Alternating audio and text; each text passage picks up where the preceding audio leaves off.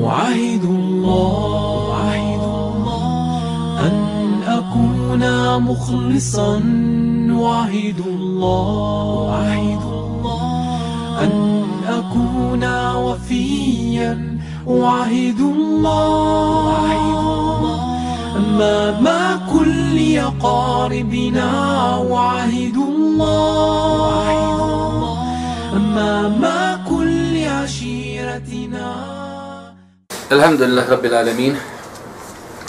Wassalatu wassalamu ala ashrafil anbijai wal mursalin. Nabina Muhammedin wa ala alihi wa sahbihi wa man tabi'ahum bi ihsanin ila jaumid dini thumma amma ba'd. Doista svaka zahvala pripada našim gospodaru Allahu subhanahu wa ta'ala. Salavat mir i selam na Allahu poslanika Muhammed alaihi salatu wassalam njegovu porodcu, njegove častne asave i sve oni koji slijedi na putu istine do sudnjega dana.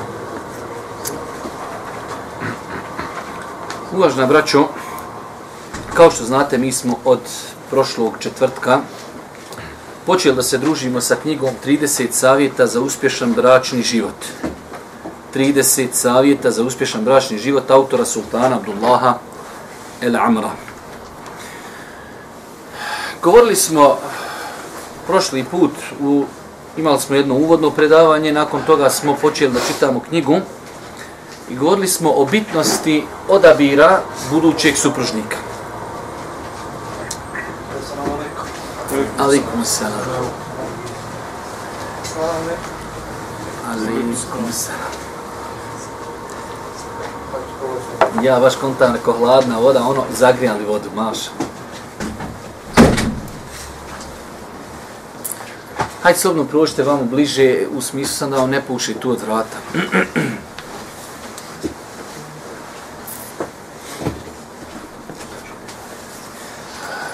Pa smo prošli put govorili malo detaljno o tome koliko je bitno da čovjek na početku braka ne požuruje u odabiru supružnika, već treba da se maksimalno potrudi. Isto tako, roditelji tu igraju jednu veoma bitnu ulogu da pomognu svojoj djeci u odabiru budućeg supružnika. Ono što ja želim još dodatno spomenuti na, na, na ono što je spomenuto u knjizi jeste prvenstveno, rekli smo da je najbitnija stvar definitivno, alaikum selam arabsko. Mi smo stvarno večeras požurili, ovi dole iz Carevi nisu uspjeli stići, ali ne vezi.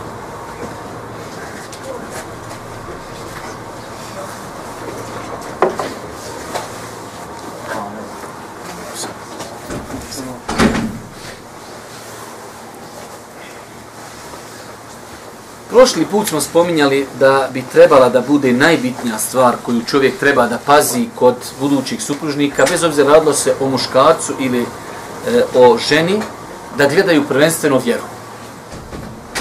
Spomenuo je autor još neke stvari, sjećate se kad je govorio da, da kad je u pitanju, primjer radi taj budući zet, lijepo bilo da, da čovjek ima pitanja egzistencije obezbijeđena, kako ta žena koja se za njega uda ne bi odmah od početka imala problema u pogledu materije i tako dalje.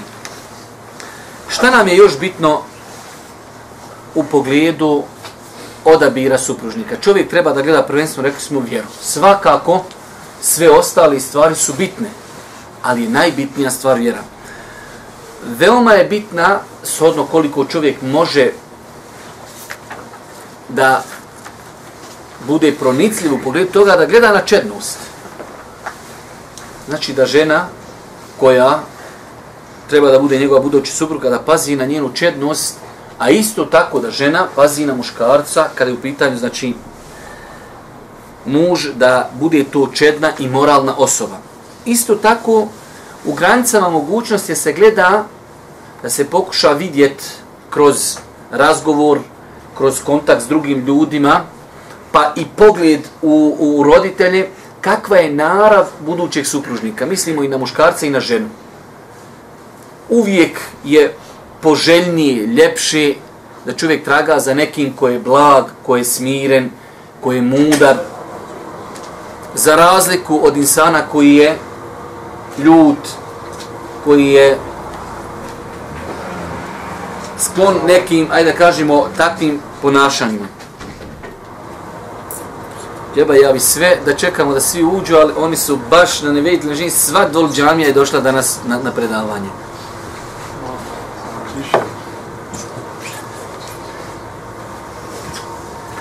Sad kad Hamza uđe, zaključaj i ne daje više nikom ulaziti.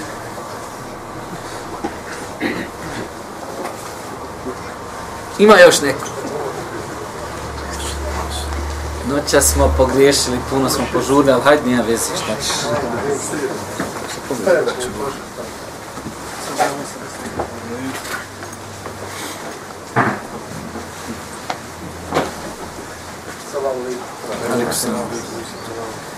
Svakako, nako, kao napomena, generalna napomena, lijepo je da imate neku olovkicu, pa imate dosta na ovoj knjizi, ima praznog prostora, pa možete neke stvari, pored ono, kao neke onaj opaske zapisivati, jer vjerujem da prvo ja neke stvari kod kuće pripremam, a bude tu mnogo toga što bi trebalo da čovjek sutra kada bude ponovo čitao ovu knjigu da se nađe negdje tu napisano, ako ništa, pod nekim naslovima i tako dalje. Rekli smo znači da čovjek kada bira budućeg supružnika trebao bi da pazi prvenstveno na vjeru, da pazi da to bude čedna i moralna osoba. Ako može proniknuti i da svati kakva je čud i narav ti osobi. Pa smo rekli da će uvijek dati prije prednost nekome ko je miran, ko je blag, ko je mudar, za razliku od insana koji je temperamentan, brzo se ljuti, samim tim odmah će doći brže do vrijeđanja, brže će doći do i tuče obostrano, muž tuče ženu, žena tuče muža i tako dalje. Isto tako ako se može proniknuti u osobu budućeg supružnika, svojstvo stida je veoma bitno svojstvo. Pravi onaj stid, ne plastični stid, jer imate, imate oni stidova lažni, e, koji traju nekad 5 dana, 10, 15, 20 dana i onda kad se stupi u brak, tada ono ko što smo prošli put govorili, kad se skini ali selam, kad se skine ona odjeća, tako imati osoba koji skidaju stid. U početku to je samo preda se, se gleda, ma ne možeš, znači, poslije paša kad te pogleda, hoćeš upast. Unesi samo što je te pogledala. Tako da, da nisam pokuša tražiti osobu zaista stidnu, jer stid uz Allahu pomoć ne donosi ništa osim hajr. Isto tako, ja sam o tome govorio i vjerujem da je lijepo da pogledaju oni koji žele pogotovo da stupe u brak, oni naše seminare koji smo održali na dosta mjesta diljem Bosne, a izvan Bosne, predbračne seminare, pa smo tu detaljno govorili o ovim nekim stvarima. Kada je u pitanju ljepota, ljepota je isto jedan veoma bitan faktor. Dosta puta ljudi, sam se malo, ako ništa vi pomjerite ili vi malo ovdje da, da nam ova braća ne moraju sjeti za vratima.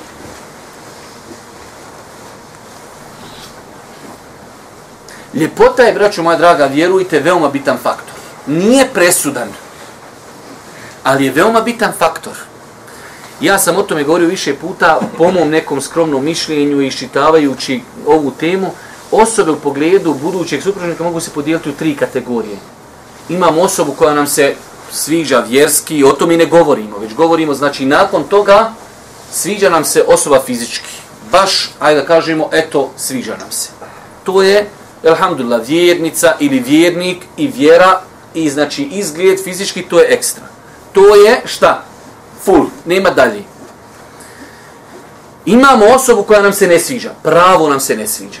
Džaba, vjera, džaba, sad kaže ja ne bi s ovom osobom mogu živjeti. Fizički, jednostavno, ja sutra ne mogu da dođem u kuću i ta me žena čeka ili obrnuto. Sestra kaže, jednostavno tog čovjeka kad vidim, ne sviđa mi se bez obzira kakva je njegova vjera, u toj slučaju ne treba stupati u brak. Ni muško, ni žensko. Znači, dođeš prositi djevojku, do sve kao žuči, kuran, lijepa, sve ti pogledaš, ama znači ni najmanje ti se ne sviđa. Traži drugu. Jer to će vremenom ostaviti na tebe traga. Dođeš jedan dan, na ulici vidio žena, nema kakvi nisi vidio. Znači, sam što još rogovi iz njih ne vire. Dođeš kući, Pa ja, rabijova moja, još i ona... Da dođeš kući, eh, evo sad meni moja hurija došla. I imamo treću kategoriju, to je osoba koja insanu se nešto plaho ne sviđa, ali i nema odbojnost prema njoj. pri takvoj osobi ako se nađe vjera i nađu se druga svojstva, čednu, stid, porijeklo, bogatstvo, takva se uzima. Zašto? Zato što uz Allahovu pomoć vidjet ćete, e, oni koji su u braku znaju. Ljepota, bez obzira koliko je ljepota presudna, ljepota ti može, znači, možeš imati problema zbog toga.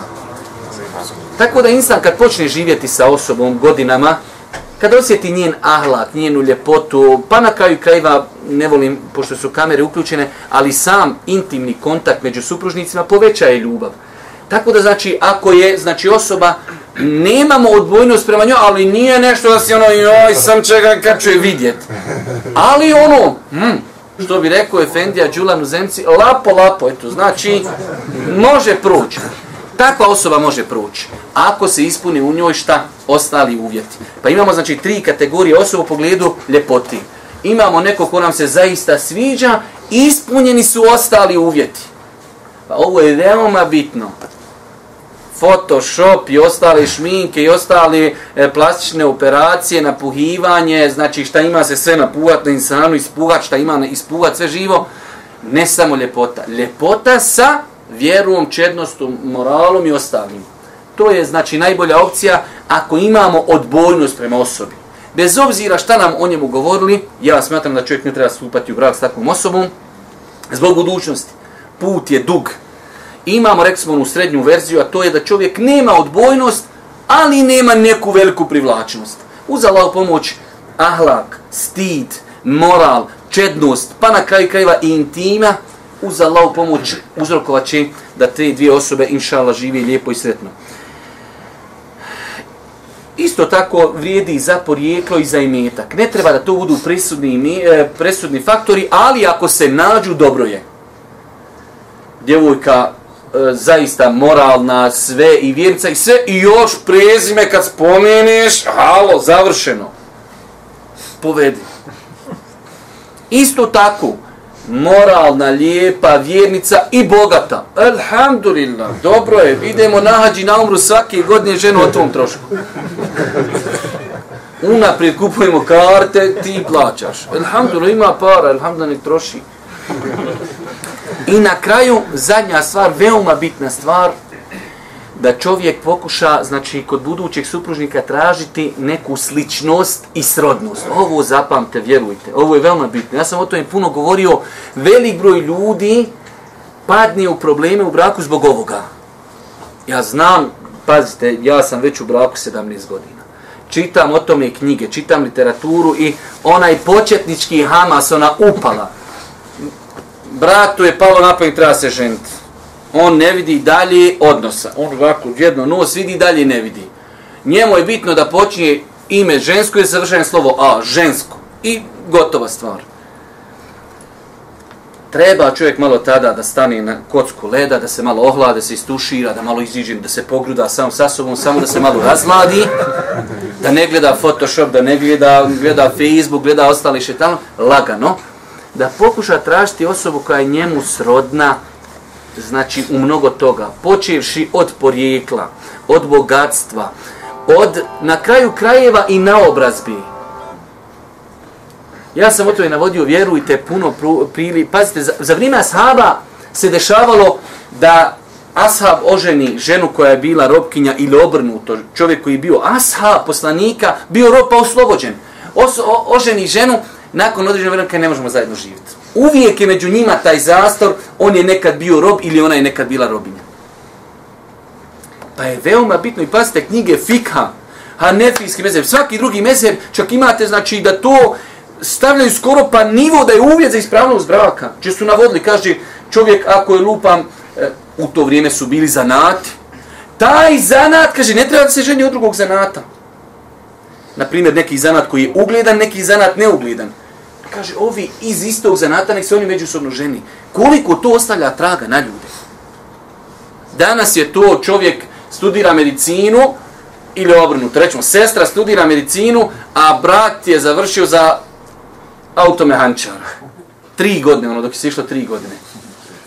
Paša, u njega je sve kroz boš pumpe, kroz sve u njega kroz motor, sve u njega kroz generalke, sve u njega kroz kroz tu.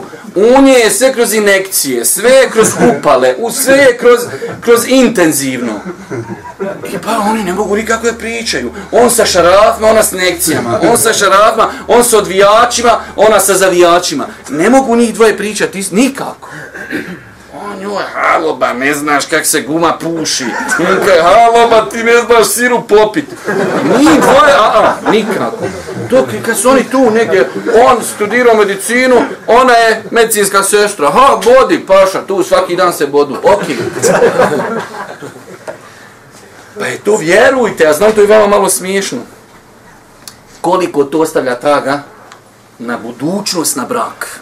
Velikog traga ostavlja to na brak. Pa pokušajte u granicama, pazite, u granicama da čovjek pokuša da osoba budući supružnik bude sroda njemu u tim nekim faktorima bitnim. Naobrazba, e, pazite, porijeklo, uvijek je porijeklo. Ja sam moj babo, moj dedo, mi smo ovdje rođeni u Sarajevu, ti si gore vas da su tvoji čuvali krave po bjelašnici. Paša, vas da se svađaju. I obrnuto. Znači, pa kad su srodni, lakše je. Nima on njoj šta prigovoriti, nima ona njemu šta prigovoriti. On bogat, ona iz neke vjedne poruci ili obrnuto. Hala, tvoji svi ne vrijedi koliko vrijedi tvoj gume mog auta. Pa žalo, hoćeš sad sutra te spremim finu čorbu. Ma zamutit ću ti otrova mišijeg, onog razumiješ da se otruješ, vrijeđaš mi mene i familiju i sve živo. Ali kad su oni srodni, onda je to mnogo, mnogo eh, prirodnije i mnogo bliži.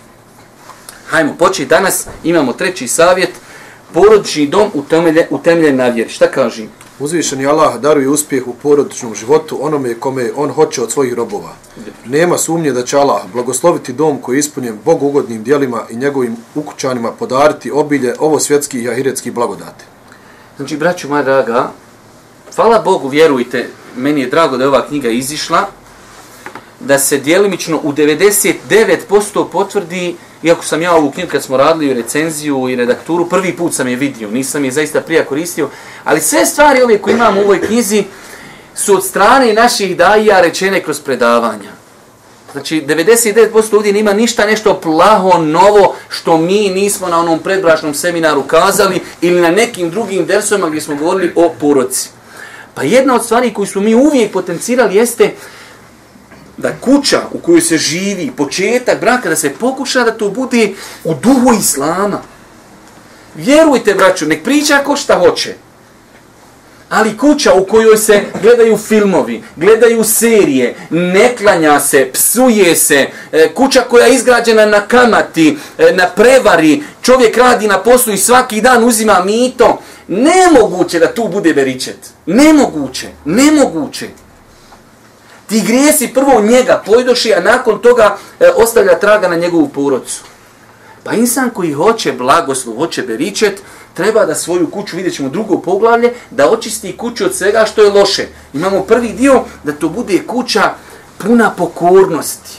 Da to bude kuća koja je jedna mala oaza u današnje vrijeme kad vi imate prepuno e, kuća, hotela i razno raznih razvatnih mjesta, da to bude jedna svijetla tačka. Da to bude kulična rasvjeta u jednom gradu da je to kuća imana, da je to kuća noćnog namaza, kuća Kur'ana, kuća istighfara, kuća u kojoj nema loših izraza, kuća u kojoj e, djeca poštuju roditelje, roditelji poštuju djecu, roditelji odgajaju djecu. U takvoj kući se može očekivati Allahu beričet. U nas problem ljudi, ne klanja se, psuje se, e, gle, ostavlja se namaz, da ne govorimo o hamajlijama, o zapisima, svemu, i onda poslije, halo, kaj ne možeš kraj s krajem.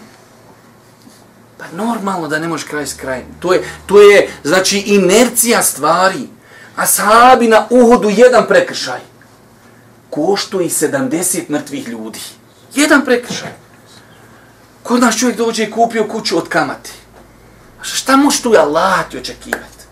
Šta možeš tako ti Allah tu očekivati? Svaki dan filmovi, svaki dan serije, nikad se ne klanja, nikad se ne donosi salavati, nema istighfara, nema dovi, prepuno psovki, prepuno prevari.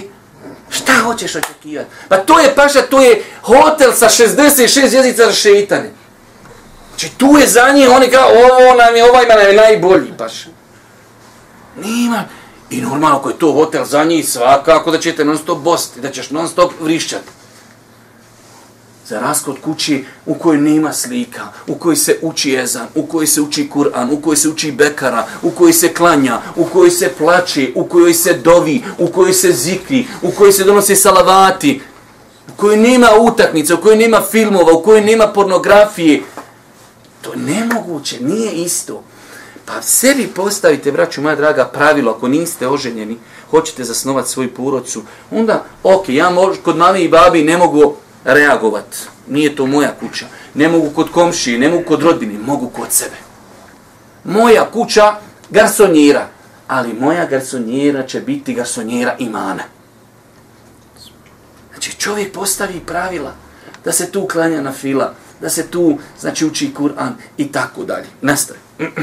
A ko želi postići to da život u njegovoj kući bude satkan i ispunjen vjerom, neka povede računa o tome da se u njegovom domu čine raznovrsna bogugodna djela, poput obavljanja na fila namaza, to jest dobrovoljnih namaza, koji se obavljaju nakon farz namaza ili općih na fila, kao što su duha namaz, vitr namaz ili dva rekata nakon uzmanja abdesta, zatim noćni namaz i slično. Allahu poslanik sallallahu alejhi ve sellem rekao je: Najbolji namaz jest onaj koji čovjek obavi u svojoj kući izuzev farz namaza. Nažalost, pazite, opet treba stvar gledati pozitivno i treba je gledati e, racionalno. Velik broj ljudi ne zna čak po hanefijskom mezhebu da je sunnete bolje klanjati u kući nego u džami. Iako kod njih ima jedna klauzula, ako se čovjek boji da kad uđe kući da će ga nešto ometati ili da će zaboraviti ili da će ono nečim biti zauzet, onda da klanja u džami. Ali generalno pravilo i kod njih, oni radi po ovom hadisu, da se sunneti bolje je klanjati kod kući. To je stav hanefijskog mezheba, da ne govorimo i o drugim mezhebima. Jedan od razloga jeste, ovo će spomenuti autor, jer ja nešto sam baš pišem ovih dana neku knjižicu o namazu, pa eto, Allah baš dao da sam i o tome pisao. Jedan od razloga da je čovjek više e, iskren u namazu koji klanja kući. Znači čovjek kad klanjaš u džami svaki dan sunnete klanjaš, maša, vi kako on uvijek knjiga, nekad sunneti ne propuštaju. Znači, hm, to je podlično čovjek može potpasti pod rijaluk. S druge strane, zbog beričeta i zbog blagoslova, da čovjek klanja u svojoj kući. Farzi se klanjaju u džami, ok, ali sunneti se klanjaju u kući. Zbog blagoslova i beričeta, pa klanja žena, pa klanjaju djeca, pa klanja čovjek. Zamislite koliko u jednoj kući, neke to kuća koja ima troje djece koji klanja. Otac i majka. Koliko je danas tu učenja Kur'ana u toj kući? Neko klanja sunnete, neko klanja vitr, neko klanja duha namaz, neko klanja farze, znači ako je u pitanju žena i tako dalje. Pa je to kuća koja prepuna je cijeli dan namaza. Prepuna je salavata, prepuna je istighfara i tako dalje. Dobro, šta kaže islamski učenjaci? Islamski učenjaci kazali su da dobrovoljni namazi koji se obavljaju u kući približavaju čovjeka iskrenom odnosu prema uzvišenom Allahu i udaljavaju ga od pretvaranja pred drugim ljudima, a također to je prilika da cijela porodca vidi oca, koji obavlja namaz kao jedan vid ibadeta i dobrog djela, pa će ga i on u većini slučajeva u tome slijediti i za njim se povoditi. Ovo je veoma bitna stvar. E, velika većina vas je ovdje mlada, ali e, upitajte svoje roditelje. Pa možda se i vi sjećate kad čovjek se sjeti svog oca, kako je on nekad klanju. To ostane čovjeku u sjećanju. Pa dijete koje vidi svog oca da redovno, klanja duha namaz, klanja sabaske su, klanja podne, klanja jaciju, klanja vitre, ustao na noćni namaz. Nije isto kao dijete koji nikad u životu ne vidi svog babu da klanja. I rekli smo davno kroz mnoga predavanja, djeca pogotovo dok ne krenu u školu. Kad krenu u školu, to je već nešto e, čak s aspekta nekog naučnog drugačije, ali prije što krenu u školu, jedan od glavnijih načina i metoda učenja jeste šta? Uzor vidi oca, vidi majku, tako radi. Zato ste vidjeli malu dječicu, Stani stane otac klanjati, dijete stane klanjati. Ne, legne, pa miče prstom, djevojčica stavi mahramu na glavu, oponaša. I zamisli takvu dijete kad odrasta u takvom ambijentu. Babo svaki dan klanja, babo svaki dan uči Kur'an, babo svaki dan dovi, babo svaki dan zikri, istighfar, nema vulgarnih riječi, nema e, ljutnji. Djeca odrastaju u tom ambijentu. Za razliku djete to nikad ne vidi. Od cijeli dan filmovi, serije, utakmice, porno, psovka, vrijeđanje, nikad se ne uči. Šta će to djete naučiti? Nemoguće. Ne, gdje će naučiti? pa je uzor jedna veoma bitna karika u društvu. Da čovjek čak cilja to, da čovjek cilja da svojoj djeci praktično pokaže. Nekad se može desiti da čovjek kaže djeci, djeco, jeste li vi klanjali, on još nije klanju. Ali osnova je čovjek kad klanja, i nakon toga, djeco, jeste vi klanjali. Kad vi, a babo je klanju, idemo i mi klanjati. Zove nas u nešto što je on uradio, to je sigurno već nešto dobro. Pa je ovo veoma bitan moment da čovjek u kući pokuša svoju kuću urediti kako treba, s druge strane da bude uzor svojoj djeci. Pa na kraju krajeva, to je oprobana metoda i to znaju roditelji koji imaju djecu, kad djete uradi nešto loše, jedan od metoda mu kaže, sine, dobro, jesi nikad to vidi u kući da mi radimo? Dijete, evo, rečemo, bilo je negdje u parku, bilo je u školi, čulo je neku vulgarnu riječ. I u kući djeca u početku nemaju filtere, ne znaju mu nafičiti. Ono, ono što čuje napolju, tu podmak kod kuće gruhni. Jedna od metoda mu kaže, sine, ok, taj tvoj izraz kojeg si rekao, ti ga, jesi ga ikad čuo u kući? Kaže, nisam nikad. Odma sine, ti senzori treba da se pali, riječ koju nisi čuo u kući, Može biti da je neko tam pričao kao naučno toliko pametno da ti to nisi čuo u kući, ali ti se s takvima ne družiš. Znači, velika je mogućnost nešto što nisi čuo u kući, treba filter neki. Ili pitaj babu, ili pitaj mamu i tako da. Ja znam jednog brata, pričam jedne prilike, e, jedan brat zaista kao pedagog, veliki insan i on, njegova supruga, kad je došao nam jedne prilike, sjedimo, kaže, ja sa svojom suprugom, kaže, jedemo, i djete došlo, kaže, iz škole, pazi, kuća je zaista, ono, znam čovjeka, islamska, muslimanska, sve. I, ali, on, kad mi sjedimo, ručamo, kaže, mama, i to mama, kuš, mama, ja rabena. Nama kaže, šta znači, i buf, ona najgora, najvulgarnija riječ za muški spolni organ. Šta je ova? Šta ta riječ znači? Fuj, kaže, brat, ja, rab, i ja, i žena, i pocrvenili, i poplavili, i, i niti je... Ali pazi, on jadnik to neđe, čuj sad, on, on jadnik ima taj filter, on hoće da pita, valja li, ne valja li, pa da to... Znači, mora biti neki filter. Pa je veoma bitno, jedna metoda kažeš djetu, sine, jesi kad čuo da mi to koristimo? Nisam čuo. E, sine, ta riječ nije dobra. I mi nju znamo i čujemo je u društvu, ali ne koristimo. To je vulgarna riječ. Pa je, pa je uzor veoma bitan. I zato ćete vidjeti e, da čovjek može jednom dva put djetre sine klanju, evo sad ću, nisam, jesam, ali kad vidi da babo klanja, nikad djete neće reći babi, znaš šta je, što mene goniš da klanjam? Jer vidio je da si ti klanjao. I za mahramu isto važi i mnoge druge stvari. Pa je uzor, uzor veoma bitna stvar u životu koju čovjek treba da posjeti mnogo pažnje kad je u pitanju porodca. Šta kaže? To potvrđuje hadis u kojem Allahu poslanik sallallahu alejhi ve sellem kaže: Kada neko od vas klanja farz namaz u džamii, neka ostavi dio namaza i klanja ga u svojoj kući, jer u istinu će Allah u kući zbog njegovog namaza dati veliko dobro. Nima sumnje, nima sumnje završi to. Pored navedenog u kući se mogu učiniti i druga dobra djela, poput učenja Kur'ana, čitanja korisnih knjiga i literature, zajedničkog dobrovoljnog posta ili razgovora o vjerskim temama. Ovo su samo prijedlozi i lijepi prijedlozi. Znači da čovjek ima u kući vrijeme kad uči Kur'an, on sa svojom porodicom, da se u toj kući klanja, da se u toj na kući dovi, da se u toj kući zikri. Pazite, e, ne bi sad ono da ispadne nešto sad ja uspješan, neuspješan, to je definitivno stvar onaj koju ne treba spomniti, ali kad čovjek ima jedan ambijent u svojoj kući, zadnjih deset dana Ramazana, sva porodica osjeti da se nešto dešava u kući. Idemo svi na teraviju i svi zajedno iftarimo, svi zajedno sehurimo, klanjamo noći namaz, hodno ko može, koliko. Jednostavno, sva kuća je, što bi rekao, dobila neko novo ruho. To se traži na razno razne načine. Nekada zajednički razgovor o vjeri, nekada znači čitavanje literature, nekada učenje, nekada dovljiš. Je li problem da čovjek svoje djeci kaže, djeco, ovo je zadnji sat petka, hajte si ne sad u ovom satu otište svaku svoju sobu, dovite po pet minuta. Ili sutra je dana refata, šta velite da sutra svi zajedno postimo, pa ćemo sutra svi zajedno iftart, pa ustajemo svi zajedno na seur, pa svi zajedno iftart. To je kuća blagoslova, to je kuća beričeta, to je kuća sreći. I djeca odrastaju tako. Djeca odrastaju, paketići se dobivaju za Bajram. Kad će babo Bajram da dobijemo paketić? Kad ćemo na Bajram da dobijemo Bajram banku? Znači, djeca odrastaju u tom ambijentu i to je dobro. Vjerujte da je to dobro.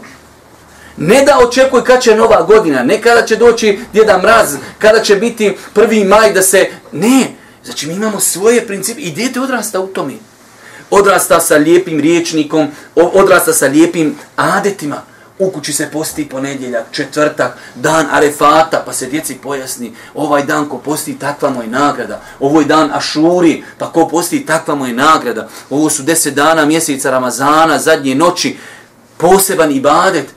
I djeca odrastaju. Sutra ta djeca će svojoj djeci reći, mi smo sa svojim babom i svojom mamom zajedno ustajali, zajedno se hurili, sjećamo se kad smo išli na teravije, kad smo klanjali, kad smo dovili.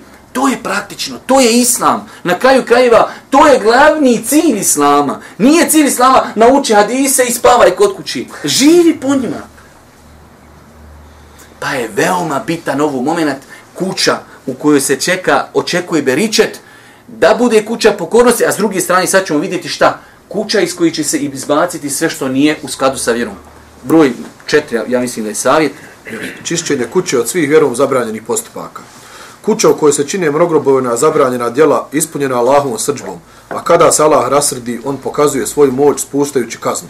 Vidovi kažnjavanja nekih porodica izraženi su kroz brojne probleme koji se ne mogu logički objasniti. Članovi tih porodica nisu ni svjesni da grijesi i loša djela dovode do kazne još na ovom svijetu. Naš gospodar kaže, kakav god vas nedaća zadesi, to je zbog greha koji ste zaradili. Također u drugom ajetu kaže, reci, to od vas samih, to jest vaših greha, Allah doista nad svima ima moć. Znači, braćo moja draga, nelogično je. Moram uvijek početi s nuli. Platforma. Uzvišen je Allah i stvorite zemlje i nebesa. Stvori, stvorio je čovjeka s ciljem. Taj cilj je robovanje Allahu. Robovanje Allahu znači da čovjek svoj život uskladi po smjernicama Islama. To je robovanje Allahu. Nije robovanje Allahu da sjediš u džami cijeli dan da učiš i klanjaš. Ne. Robovati Allahu znači ja sam u firmi, ali ja sam musliman. Ja vozim autobus, ali ja sam musliman. Ja radim u opštini, ali ja sam musliman. Ja sam učiteljica, ali ja sam muslimanka. To je robovanje Allahu Đelešanu. E sad, insan, dio robovanja i da svoju kuću sačuva od onoga što je loše. Rekli smo, to je naša odgovornost. Ti možda ne možeš na ulici narediti nekome da nosi hijab. Ok. Ne možeš nekada na ulici narediti nekom da smanji muziku. Ok. I tako dalje. Ali moja kuća je moja odgovornost. Ja u svojoj kući mogu raditi šta hoću. I po moralnoj, i po zakonskoj, i po islamskoj, i svakoj drugoj osnovi. Pa je nelogično očekivati od gospodara zemlje i nebesa koji je ostavio sunnete i pravila na zemlji kad se neko odalji od Allahovi propisa, da ćemo doći kazna. To je neminovno. I znate su prijašnji narodi, jedan grije se proširi u narodu, jedan. Unište narod kompletan. Uzmite Kur'an. Gdje god se govori o nekom narodu da su uništeni samo zbog jednog grija. Nemate, kaže, u tom narodu se proširilo deset grija pa uništen. Jedan grije se proširio, počeli ga javno činiti, uništenje. Pa je nelogično, nelogično Zamisli ti, ti svom djetetu, a Allah Đošanu je uzvišen daleko od svih primjera naših, svaki dan djetetu dadneš marku dvije i svaki dan ono ne, nezahvalno. Svaki dan potroši u nešto loše. Kad mu rekneš god, sine idi nešto poslušaj, neću, neću, neću. Kako se ti odnosio prema njemu? Pa gospodar svevišnji te naredio da budeš pokuran, stvorio te zbog toga. I insan u onom mjestu gdje on može, gdje je on šef, filmovi, serije, slike i da ne govorim šta može sve biti u jednoj kući od problema. Znači mora čovjek očekivati, a govorit ćemo poslije e, da neko pogrešno ne sati. Iskušenja imaju i Allahovi pokorni robovi. Ali imamo iskušenja, imamo kaznu. Pa su to dva različita faktora, na kraju ćemo inšala govoriti o tome. Ali čovjek koji je nepokoran, kad mu dođu ti belaji, to, to su kazne. To su dunjalučke kazne još na dunjalku. I zato ćete vidjeti, ja znam ljudi, e, n, loš odnos prema roditeljima, čovjek rade, čovjek vara, u kući uvijek problem. Problem između članova poroce, problem u kući, uvijek negdje neki problem. Znači, to je bukvalno kolo ono staro neko šuplje bure. Jednu rupu začepiš deset novih. Tako ti. Okrenuo si leđa svome gospodaru, onda nemoj očekivati ništa dobro. Dobro, šta kaže dalje? Da li se možda muž nekad zapita, do kada ću se nalaziti ovim problema i brigama koji se iz dana u dan povećavaju? Zar nije kucnuo čas da se ove nedaće uklone od moje poruce? kada ću napokon osjetiti spokojstvo i duševni smijar, smiraj u svom poročnom životu.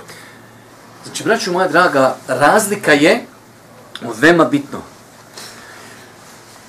Aj molim, još jednom pročitaj pa ćemo onda to povezati. Da li se možda muž nekad zapita, do kada ću se nalaziti ovim problema i brigama koji se iz dana u dan povećavaju? Zar nije kućno, kucno čas da se ove nedaće uklone od moje poroci? Kada ću napokon osjeti spokojstvo i duševni smiraj u svom poročnom životu? Da se čovjek zapita. Čovjek poslije, kad svati zašto živi, pa dođe to neko iskušenje koje je možda isto današnje iskušenje, ali on se drugačije prema njemu obhodi i drugačije na njega ostavlja traga. Danas ti problemi ostavljaju na tebe negativnog traga. Zašto? Jer se odalju od Allaha i to dolazi kao kazna. Nisi svjestan zašto to dolazi. To samo tebe razara. Pa čovjek kad ima problema, prvenstveno treba da počne od sebe da počne od svoje kuće, od svoje djeci, od svoje poroci, da vidi prvenstveno mogu li ja šta popraviti. Braću, čovjek prođe možda mjesec dana u kući, pazite, ja garantujem da imate hiljede kuća, bošnjači koji imaju se mjesec dana nijedan namaz ne klanja. Šta hoćete u toj kući? Pa to je, to je, vjerujte, stadion za, za šeitane. Ma to je za njih, to je za njih studentski dom, to je za njih hotel. I paša, šta hoćeš tu? Mora tu biti sve naopako. Pa insan da dođeš na nivo da ti ideš svojoj kući, a ne osjećaš spokoj, ne osjećaš zadovoljstvo. Čovjek vjernik, on će biti iskušan, ali on sretan, on je zadovoljan, zna šta je to. Pa je to jedna velika razlika. Mm -hmm. Ova ista pitanja sebi postavlja i supruga koja trpi i osjeća odbojnost svog supruga koji se od nje udaljava ili je među njima zavladala emocionalna prezasićenost ili bezosjećajnost. Možda im je to što griješi i što dopuštaju da njihova kuće bude plodno tlo za čičenje, činjenje zabranim dijela prouzrokovalo dunjalučku patnju, ali, ali oni to ne primećuju. Znači, vjerujte, braću moje draga, imate izjave Selefa, kaže, znao sam učiniti grije, na svojoj jahalici primijetio bi tragove tog grijeha. Prije si kaže, jahalicu koja je pod nanizacama pokorna, jednostavno jahalica, svi znate šta znači imati konja ili devu koja je pokorna. Kaže, sutra dan, nakon što počnem čin grije, jahalica se više ne ponaša, ja lijevo, ona desno. Primijetim, kaže, grije na ponašanju svoje supruge. Imam ženu veselu, raspoloženu, sve. Dođem, uradio sam negdje grije, dođem kući, nije mi to više moja žena. Pa je neminovno da tragovi grijeha dođu insanu u kuću. Kad insanu dođu u belaj, musibet, iskušenje, prva stvar, halo, šta ja radim u ovoj svojoj kući? Kakva je moja kuća? Ima li tu namaza? Ima li tu grijeha? Ima li tu psovke? Ima li tu vrijeđanja vjere? Ima li tu ismijavanja? Ima li, ima li, ima li? Ima. Čisti. Pa je to, braću moja draga, veoma bitno. Znači imamo da kuću očistimo od svega što je loše i ima da to u tu kući s druge strane nakon toga. Znate kako kad kompjuter ima viruse? Prvo šta uradimo? Pobrišemo sistem, da sad da nešto drugo instaliramo ispravno. E tako je u kući. Hajmo prvo očistit, nakon toga da instaliramo da to kuća bude kuća pokornosti, podpomaganja na putu istini. S druge strane... S druge strane, i mnogi televizijski kanali koji šire nemoral imaju direktan utjecaj na muža i ženu, što dovodi do slabljenja njihove vjere i morala i rasplamsava njihove negativne sklonosti, strasti i porive. Šta se može očekivati od kuće koja je ispunjena zabranjenim sadržajima? Vjerujte, braćo, možda insan u datom momentu, mjesec, dva, tri, ne osjeti e, negativne posljedice toga. Ali čovjek po cijeli dan sjedi, po cijeli dan, nakon što dođe iz posla, i po cijeli dan sjedi i gleda filmove i serije. Zajedno sa svojom ženom, sa svojom djecom. Nemoguće, neminovno je da to donese negativne posljedice za tu porodcu. Ta žena gleda muškarce. Ubija to ljubomoru muža prema ženi grijesi. Čovjek gleda u druge žene. Djeca gledaju. Kad je snimio neko film u kojem filmu se promovira nešto pozitivno? Nema toga, ljudi. Nije zbog toga televizija u osnovi izmišljena. To ti direktno i indirektno promovira nemoral. Non stop u serijama, to vi znate non stop se neko nekog zaljubio, neko s nekim nekoga neko prevario, neko nekoga izvaro i tako, to je sve to kru, sve snimljeno u jednoj vili, samo sjede i samo snima. A to ljudi ko neuzubila, rekao sam kad sam govorio na onom predavanju, ko zombi, samo kad će Sirija, ka, čeka, šta će bit? Ona rekla, o, ono Esmeraldi, halo, ba zna kaj fate, ona hoće te otruje. Ja, rabena, ali ona ubijeđena da se to dešava, čoveče. Kako ba pa znaš li ona tamo, ti nikakaj ne skontaš da te ona hoće veli otrovat. Kako ljudi skontat? Znači, pa koliko je u svemu tome nemora, koliko je izostavljeni namaza, koliko je loši e, termina i tako dalje. Jeste li ikada vidjeli u nekoj seriji da se promoviše neka lijepa pokrivena žena i ona je tamo sjedi, pokorna, klanja, zikri. Hehe, ba nema takvi tamo. Jer onda će doći neko dijete i reće, ja da budem ko ona pokrivena. Jok! Treba da budu bretelce, bude kratko, ti viri pupa, da ti vire noge, da ti vako, da ti ušnjac, da ti usta napuvane, sad su pa, usta ko papuće, volki, razumiješ? Napuši usta, napuši šta imaš sve na puva da ne navodim, dođe, e, eno sad vam djeca, kad hoće da idu na maturski, to pumpama se pušu. Voka usta čoveče. To je sve poludlo. Gdje je poludlo? Vidjelo na serijama čoveče, vidjelo na filmovima. Ni Allah, mis, i ti sutra hoćeš tvoje dijete, halo, kaže, dijete, ti si mu dozvolio, ti si mu pustio, zajedno s tobom. Allahom se kunim, sjećam se kad sam bio malo dijete, to jest tada tek bila pojava televizije. Ljudi su se zakretali od onog, pazi da su bila one stari jugoslovenski filmovi, to znači kad se dvoje poljube, to je bio najgora erotska scena koja može biti. Ljudi su se zakretali od samog poljubca. Sad, paša, kakvo zakretanje, daj moram se zoomirati, ti kad da uđem ja, sad televizor veći od ove table, čovječe. Veći glumac od tebe uživo. Ja kakvo, daj, gače, kače, ponovo emitovanje, da ponovo vidim. I hoćeš onda da dijete tvoje bude moralno. To su njegovi likovi, on živi da to bude. Ponašanjem, oblačenjem, e, postupcima, svime, to su njegovi likovi. I nemoguće onda očekivati beričat. Nemoguće, nemoguće, braću moja draga. S druge strane, e, odnosno kad bismo... Kako bismo bili realni i objektivni, ističemo da nekada muž živi pokornost uzvišenom Allahu, dok njegova supruga čini određene grijehe zbog koji se njihov poročni dom izlaže srđbi gospodara. A nekada je obrnuta situacija, kada je žena pokorna uzvišenom Allahu, dok je njen muž griješnik koji je skrenuo s pravog puta, pa je zbog njegovih grijeha spuštena kazna na cijelu porodicu. Znači imamo ovo opet jedna verzija, e, možda blaža, djelimično. Da imamo jedno od dva supružnika koji se odalo grijesima.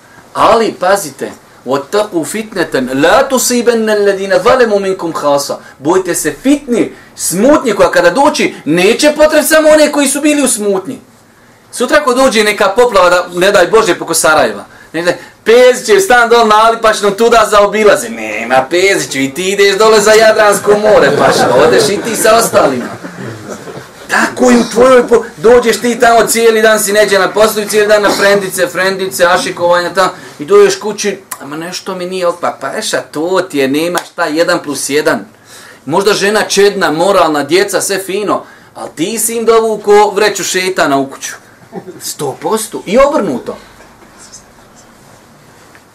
Pa i ta, znači, opcija treba čovjek da i bude i svjestan da može nekada biti cijela poroca iskušana zbog jednog člana jer uz suha drva gore i sirova.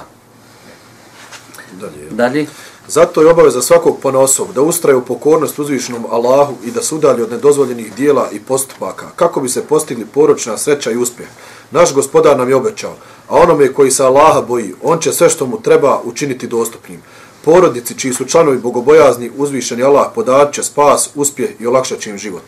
Iz drugog ugla možemo kazati da ako jedan supružnik čini grijehe, tada je dužan da se popravlja, a obaveza drugog supružnika jeste da na njega pokuša utjecati lijepim riječima i savjetima, mudro i blago, jer su razdvajanje i razvod braka posljednje rješenje. Ovdje imamo jednu veoma bitnu stvar. A to je, pazite, supružnici, nekad se može jedan dio vremena provesti da čovjek krije čovjeka, kažemo, mislimo supružnik, krije od svog supružnika neki grije koji čini, ali se to sazna. To se vidi na fizionomiji, vidi se na ponašanju i tako dalje ako čovjek sati da njegov supružnik ima ima znači neki problem, onda je osnova, ono što nam je osnova i prema drugim muslimanima, da čovjek savjetuje na lijep način. Da pokuša pojasniti stav vjeri, stav ulemi, kako to vodi. Pazite, e, ja znam, vi znate da smo mi iskušani sa tim, da nas ljudi dosta kontaktiraju i pitaju. Te koliko imate porodica, kada jedan od dva supružnika kriniđe ne treba, u većini slučajeva to se završi razvodom braka, ali to prije toga bude svega i svačega. Pa je obaveza, obaveza i moralna i vjerska da insan ako primijeti da njegov supružnik nešto radi što nije dobro, da ga pokuša na lijep, lijep način upozoriti, savjetovati i tako dalje. Ovdje dolazimo do, pošto je kraj ovoga savjeta, e, do tog momenta kako čovjek da zna da je nešto iskušenje, a da je nešto kazna. Na način, znači, da uzviši Allah subhanahu wa ta'ala obeću čak vjernicima, a hasiben nasu jutra kun yakulu amanna wa hum la yuftanun. Misle li ljudi da će biti iskušani, da kažu mi vjerujemo da neće biti da neće biti iskušani. Kažu mi vjerujemo. Pa imamo znači kad dođe nešto loše u porodicu, da čovjek sam sebe preispita. Ako ima grija onda kažeš ovo je kazna. Dok ako se ti zaista trudiš, pokušaješ, onda kažeš ovo je iskušenje. Ovo je iskušenje. Razlika ista vidi se na tome kako to čovjek prihvata. Čovjek koji to svata da iskušenje, on to prihvata zahvalnošću Allah. Hvala Allah, Đelšan. Bože poslani kaže, insan kada ga zadesi e, loše, on se strpi pa bude nagrađen. Pa je svojstveno mominu kada dođe iskušenje, on se strpi. Dok svojstveno drugom insanu dođe mu sivet, on psuje, vrijeđa, proklinje, što na mene, ja uvijek, ja i tako dalje. Znači, pa je to glavna razlika. Znači, insan koji se zaista trudi i dođe mu u kuću nešto što nije volio, razbolilo se dijete, e, znate šta može biti u kući od sto nekih problema. Kaj ja, gospodar, se trudim, redovno klanjam, podučajem svoju djecu, nema harama u mojoj kući i tako dalje, sam sa sobom razgovara, ali mi je došlo nešto. Da li je to kazna? Može biti, niko nije melek, ali insan to doživljava ko iskušenje, ko ispit, da vidi znači njegov gospodar, kako će se on ponašati? Ok, gos, robe moj, imao si blagostanje, evo sve ti je lijepo, e da vidimo sad malo kako prolaziš na specijalnim ispitima. Dok imamo drugu kategoriju ljudi, u njega je sve u haramima i onda dođe šamar. E, šta li je to? Je to iskušenje? Nije, to je kazna paša. Pa insan tako treba da, pa, da gleda na, ta, na ti. Pa može se nekad desiti da su dvije iste stvari. Ali jednom čovjeku je to iskušenje, a jednom je kazna shodno stanju prije iskušenja koje je došlo ili kazne i shodno kako to čovjek prihvata. Vjernik čovjek kaže Inna lillahi wa inna ilaihi raji'un, hasbunallahu ni'mal ni'ma doista nam je Allah zaštitnik i on je lijep zaštitnik, strpiću se na tome, očekujemo od Allaha nagradu i tako dalje. Postiće svoju suprugu, svoju djecu, strpite se i tako dalje. I poslanici, bolji od nas ljudi su bili iskušani, dok ljudi drugi psuju, vrijeđaju, e, Pa na kraju kraju oni standardni otrcani fraze, zašto ja, gore dol čovjek, nikad životu ne klanja. I dođe i muzika, jo, sve na meni ide, pa trebalo pošao sve na tebe, na koga će? Dobro. Da, da još jedan, da ja sam konto dva još ova savjeta pročitati, ali Boga mi sporo idemo. Spori smo ko puževi. Hajde da vidimo malo, uključi bržu neku brzinu. Vođenje brige o poročnoj kulturi na obrazbi. Svaka poroč... Često ti. O, pa ima, ja konto još tri savjeta pročita. Ja, rabi, ja smo usporili. Početi. Hajde preskoči ovaj. Hajde, ovaj je dobar, ali preskoči ga.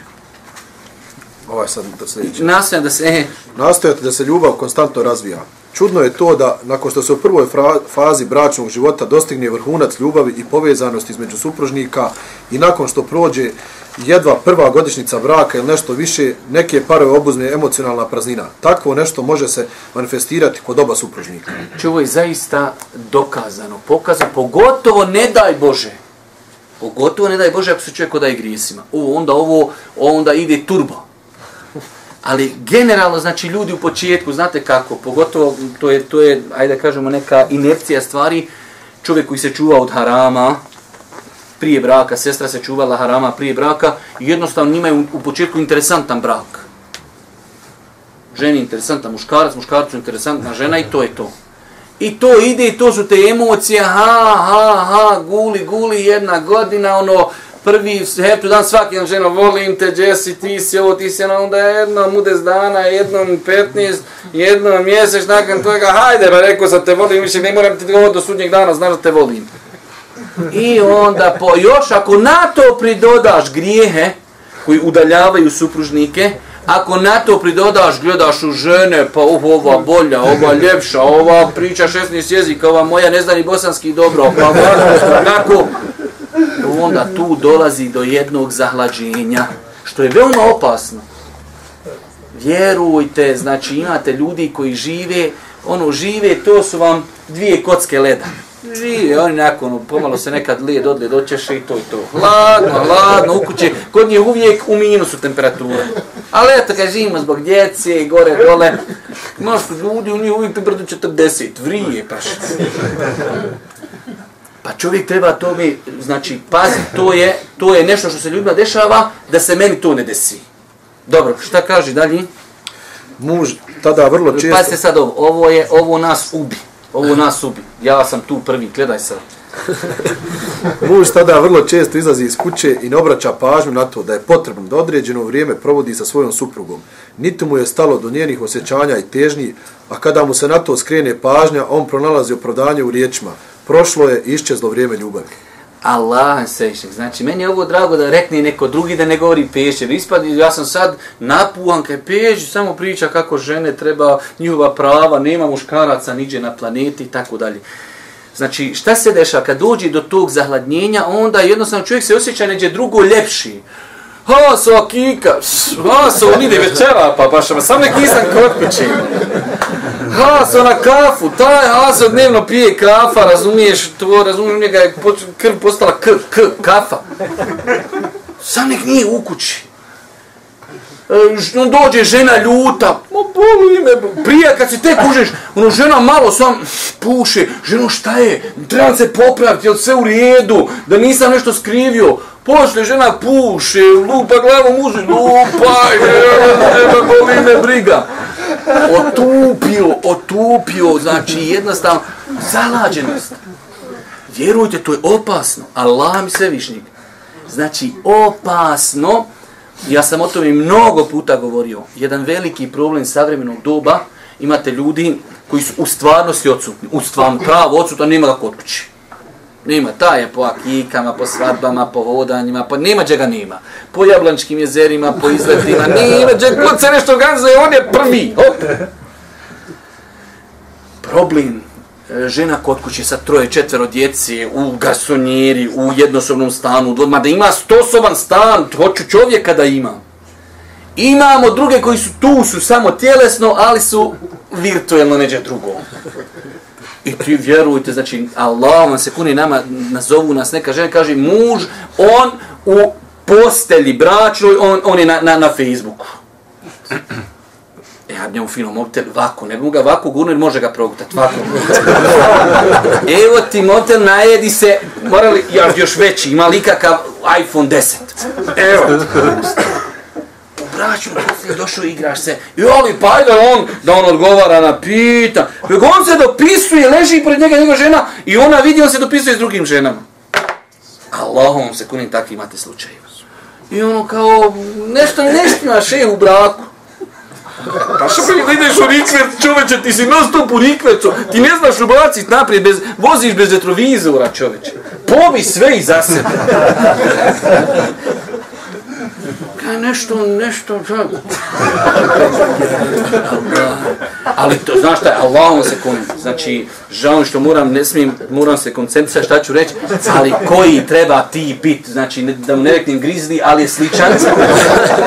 koji ti trebaš bit, ležiš sa svojom ženom u bračnoj postelji i dopisuješ se, dopisuješ se s drugim ženama. Allah, to treba bit lik, znači, Allah se, to nema u romanima, Zagor, oni prijašnji stari, to nema u romanima, čovječe. Onda kaže, nezadovoljna žena, ja nešto nisam dob, djeca, neš, sve nam nešto fali. Fali ti, bolan, samo diskonektuj se dva sata osjeti, bolan, osjeti sreću i zadovoljstvo. Ono, kad je bio, bio, jednom sam vidio neđe neku poruku, ono, čovjek pred sobom ne vidi prirodu, žena mu posla poruku, tu istu sliku.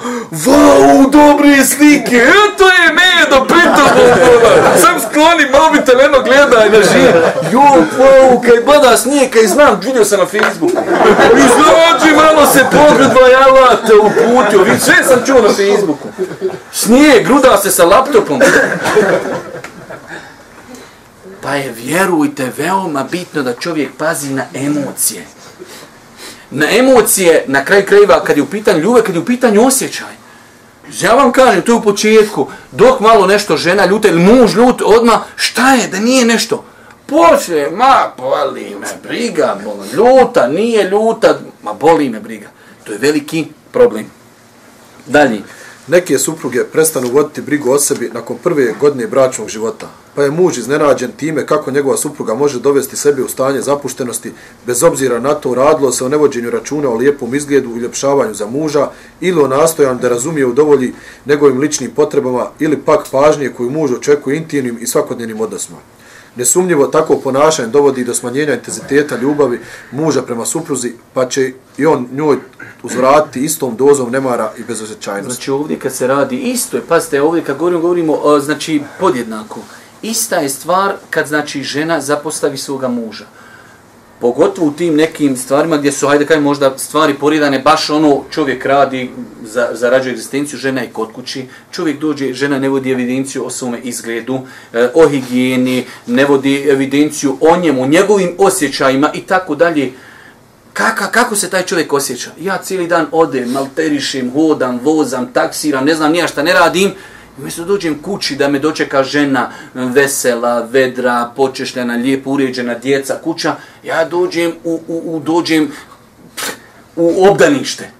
Sve razbacano, od niko, ni, znači normalna je stvar, to može dan, može dva, može pet, a kad to guliš pet ili deset godina, onda to znači mora, mora polučiti neke negativne rezultate. Dalje, jel? Nastaje. Zato je rješenje za ovaj problem nastojanje da se ljubav konstantno razvija i to putem sljedećih metoda. Mm -hmm. Pod jedan, lijep i emotivan razgovor. Znači čovjek e, imaju stvari koji su logične, imaju stvari koji su racionalne. Normalna stvar da, da je nemoguće, nije nemoguće, ali evo ono, hm, nemoguće, da čovjek 15 godina je u braku i da tada ono ljubav, on izgara, jedva čeka da vidi ženu, ko kad je se teko ženio. Može se to desit, ali hm, porijetko, ali može. Ipak može. Ali, znači čovjek treba da pazi, ipak taj moment je veoma bitan. Niti je insan duvar i zid, niti je njegova žena duvar i zid. Znači mora, insan je znači emotivno biće. Pa šta je, e, na koje načine e, čovjek treba da taj njegov odnos, emocije, ljubav ostanu kontinuirane sa određenim normalno padovima Znači, prva stvar jeste lijep i emotivan govor. Lijep i emotivan govor. Znači, čovjek se trudi da sa svojim suprugom lijepo razgovara i emotivno. Dalje. Po dva, nježni i blagi dodiri. No comment. Tri, izjavljivanje ljubavi. Izjavljivanje ljubavi. To ljudi godinu prvu dana, volim te, Jesse, dragi, lipi, fini, nakon toga ja, rekao sam vam, znači čovjek pošalje ženi s kojim je 15 godina u braku i pošalje sad poruku, volim te, ona bi prvo provjerila tri puta ošla na Whatsapp, pa na Viber, pa njegovu sliku zoomirala, jer on da nije pogriješio. Jer učio večernji zikr, nije, nije ovaj su gore. Četvrta je verzija, nešto je pogriješio, nešto njemu treba. Poželio je pitu, nije odavno jeo, pite, pa počinje on već s posla lagano priprema se da dobije krumpiruš. To je za njom nepoznanica. Nepoznanica. Pa znači da insan znači e, izjavljuje tu svoju ljubav. Isto tako pod četiri isticanje lijepih zajedničkih momenata. Čovjek znači da ne bude uvijek e sjećaš se jednom kad nisi pitu poslala, ala te uputio. Fini momenti. Znaš kad smo putovali, kako nam je lijepo bilo, bili smo ovdje, kako nam, kad ćemo, znači lijepe momente, ono što je bilo loše, loše zaboravi. Sljedeće iskazivanje pažnje prikladnim poklonima. To će sad doći jedan poseban uh, savjet, mislim, ako hej, hoćemo mi to stići noćas. Hoćemo, inšal, hajde. Zatim, izražavanje priznanja i poštovanja. Svakako. I posljednje, saosjećanje u trenucima radosti, tuge ili bolesti.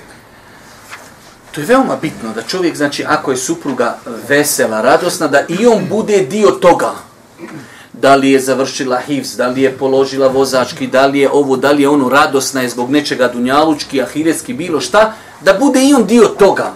S druge strane, ako je ona ili bolesna, ili ima određen musibet, neko iz familije preselio, ili nešto je zadesilo, da on bude dio toga.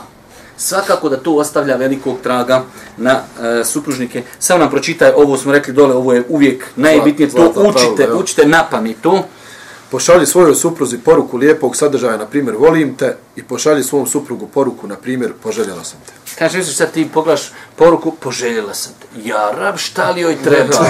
Para, sutra da ići podmiru. Ode mi sutra 300 maraka iz džepa. 100%. I ovaj zadnji ćemo savjet. Povremeno davanje poklona. Postoje stvari za kojima svaka duša žudi, koje sve na vrijeme očekuje i željno očekuje. Vjerovatno je poklon nešto što svi ljudi vole i za čim žude. Razmjena poklona među supružnicima donosi jednu vrstu emocionalnog osvježenja i učvršćuje njihovu emotivnu vezu i ljubav. Koliko li je samo problema rešeno putem iskazivanja pažnje poklonom ili koliko je samo slučajeva, slučajeva emocionalnih hladnoće, nezainteresiranosti i bezosjećajnosti rješeno na taj način. Znači, pazite, e, poklon, vidjet ćete, ovo je zaista na jedan, ja nisam našao na jedan kraći način da je neko pojasnio pitanja poklona. Ali poklon nekad djeluje i da se možda emocije koji su lagano počele malo da hlade, a vidi stvarno i dalje misli na mene moj muž ili moja supruga na mene misli.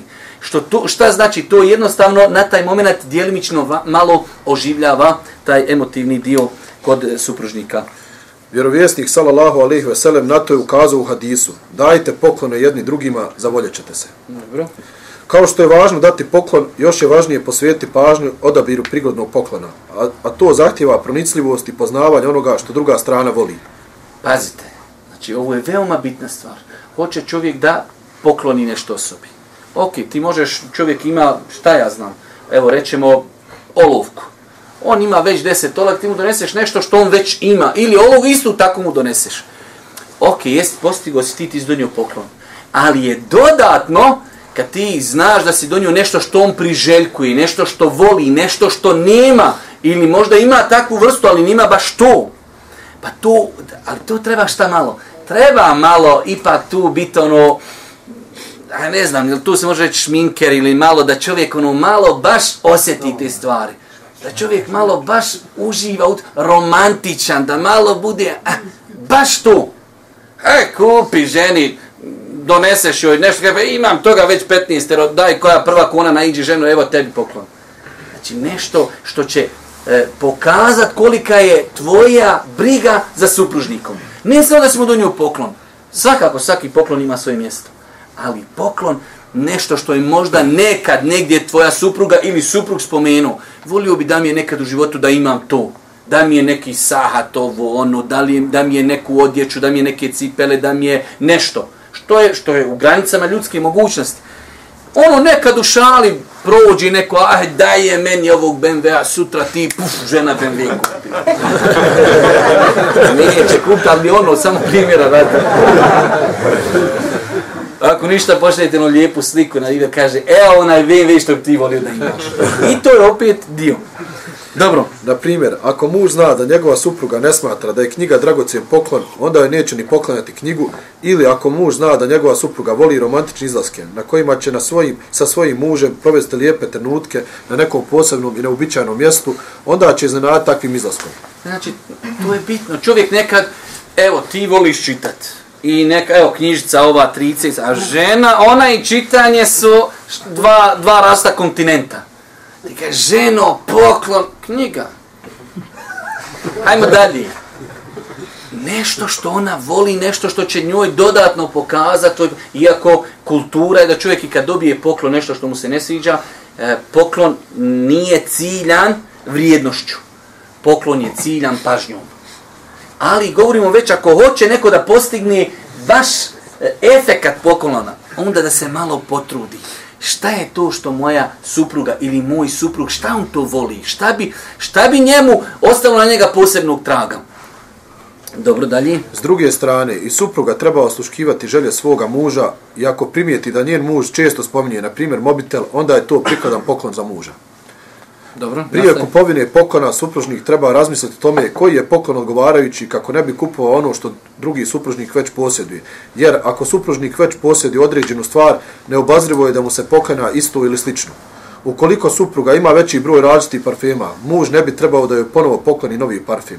Ali ako joj već poklanja parfem, onda treba da vodi računa o tome koja joj vrsta parfema odgovara, pošto se ukusi razlikuju. Pazite, ovo su toliko praktične i jednostavne stvari da, da se ne trebaju komentarisati. Znači ako imamo, supruga ima 20 parfema i ti sad još odeš pred fadu i kupiš onaj od marke, onaj što se odnosi drže i ljudi džin. Onaj što se vidi. Allah, imaš mirisa, brate, dođe da ja te namirišem, aj moraš da me namiriši. Allah mi, znači, dođeš kući i prvo što odeš, opereš ruku i opet evo da nas smrdiš. I ti ideš ženi, žena, evo ga mirisa na čabe. Kupem pred fadom i od njega bježe i ljudi džin. Znači, ovako već ima 20 parfema, to je nešto drugo, brate, majka mu stara sjedi i razmisli nešto drugo. A ću već kupit nešto, svi njeni mirisi 20 maraka, kupću i sad 30 maraka, nešto što je bolje od onoga što ona ima. Da nešto postigne. Ako muž, na primjer, posjeduje iPad, besposljedno bi bilo da mu supruga pokloni novi iPad. U toj situaciji bilo je prigodnije da mu pokloni, recimo, novi ručni sat. Pored odabira prigodnog poklona, potrebno je povesti računa i odabir odgovarajućeg vremena za uručivanje poklona. Ovo je, vjerujte, veoma bi. Pogledajte, to su toliko jednostavne stvari.